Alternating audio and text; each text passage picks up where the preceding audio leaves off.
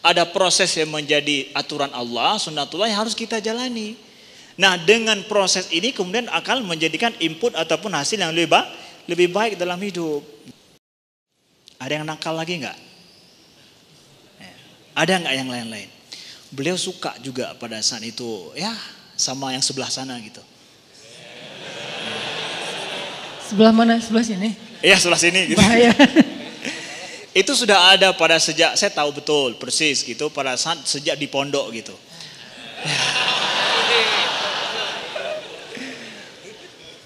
Yang namanya itu kan sangat sangat manusiawi ya. Nah, cuma uniknya beliau pakai jalur yang baik minta izin sama ustazah gitu. Ya. Ya, minta izin sama sama ustazah. Kalau ustazahnya bilang, akhirnya ustazahnya sudah tahu ini nih baru puber nih namanya si anak nih kan. Sudah mulai nanya-nanya sebelah sana siapa namanya, siapa apa sih dari mana asalnya gitu.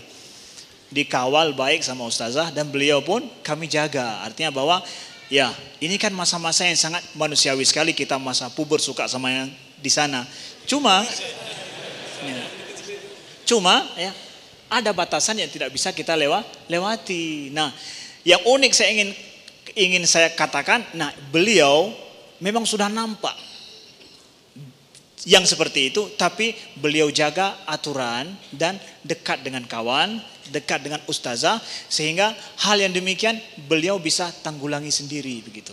Mampu nggak kita memanage diri kita dengan cara yang bang, yang baik. Nah, beliau mampu melewati masa-masa yang sulit seperti itu.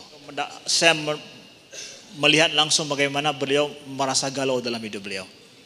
Itu pada akhir-akhir kami sudah selesai kuliah gitu. Hampir selesai gitu. Hampir selesai S1 gitu. Galau beliau. Artinya apa? Mulai yang dulu sama-sama beliau sudah ah sudah gayanya sudah gaya nggak sama seperti kami gitu kan. Gayanya sudah perlente dikit gitu, bawa rambut sudah acak-acak dikit gitu kan. Ya. Kalau biasanya disisir rapi sekarang udah acak-acak gitu paham lah kalau ini nampaknya isi dalamnya juga seperti acak-acak gitu. Nah, dan ternyata ya berakhir dengan beliau menikah.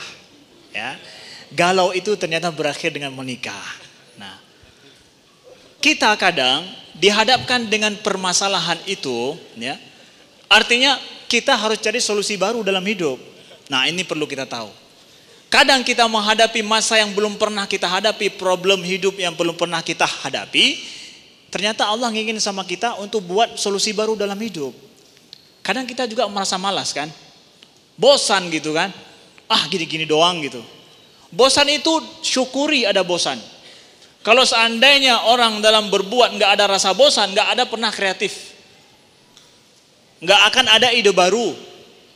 Akan gitu-gitu terus, nggak ada bosan-bosannya. Justru gara-gara ada bosan, ada galau dalam hidup, itu tandanya ada harus buat sebuah langkah baru, kreatif, ada kreasi baru. Syukuri itu. Yang salah, galaunya itu dipelihara terus.